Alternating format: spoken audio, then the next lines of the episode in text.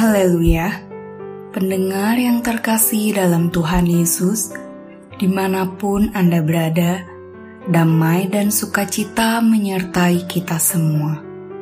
Renungan Sau bagi Jiwa yang disajikan Gereja Yesus Jati berjudul Kita Satu di Dalam Tuhan. Dalam nama Tuhan Yesus membacakan renungan firman Tuhan. Tetapi aku menasihatkan kamu, saudara-saudara, demi nama Tuhan kita Yesus Kristus, supaya kamu seia sekata dan jangan ada perpecahan di antara kamu. Tetapi sebaliknya supaya kamu erat bersatu dan sehati sepikir. 1 Korintus pasal 1 ayat 10 Dalam suatu komunitas yang terdiri dari banyak orang, perbedaan pandangan dan pendapat tidak terelakkan. Dalam hal ini, gereja pun tidak terkecuali.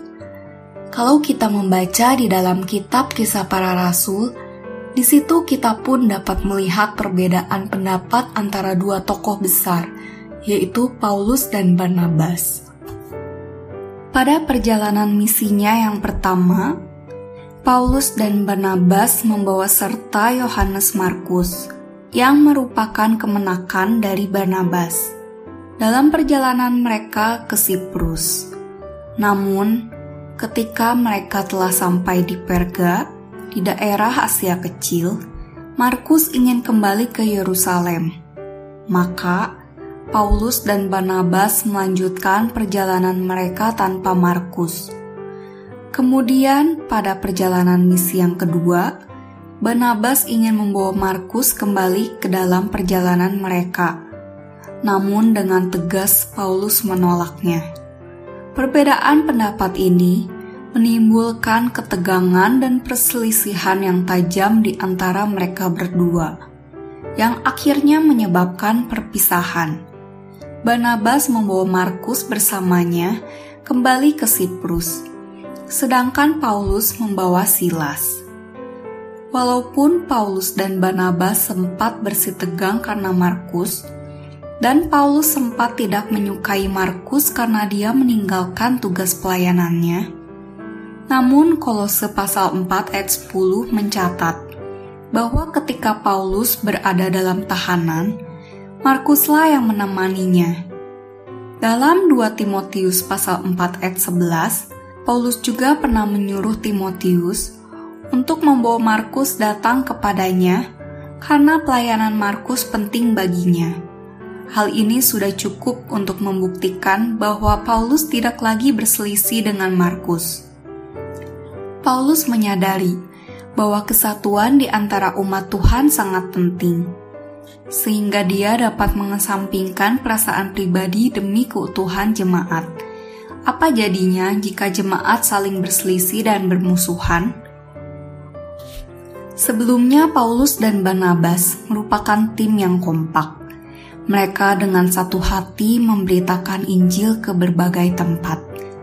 Mereka juga tidak takut menghadapi perlawanan dan penganiayaan dari pihak-pihak yang menentang Injil. Namun dalam hal Markus, mereka berselisih paham dan berpisah. Tetapi hal seperti ini sangat berbahaya dan dapat dengan mudah dimanfaatkan oleh iblis. Karena itu, Paulus menasihati jemaat Korintus agar mereka bersatu dan sehati sepikir, agar jangan sampai terjadi perpecahan.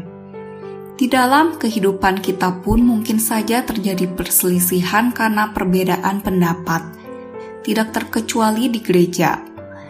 Misalnya saja untuk sebuah kegiatan kebersamaan anak-anak, yang satu ingin acara tersebut diadakan di tempat terbuka, sedangkan yang lain ingin diadakan di dalam gereja. Jika masing-masing berkeras dan tidak mau mengalah, masalah ini akhirnya dapat menimbulkan perpecahan. Namun, kita tidak boleh membiarkan perpecahan ini terjadi. Karena itu, marilah kita selalu mohon kepada Tuhan agar memberikan kita hikmat dalam menyelesaikan setiap permasalahan yang kita hadapi agar kita semua selalu bersatu dalam keadaan damai. Tuhan Yesus menyertai kita semua. Amin.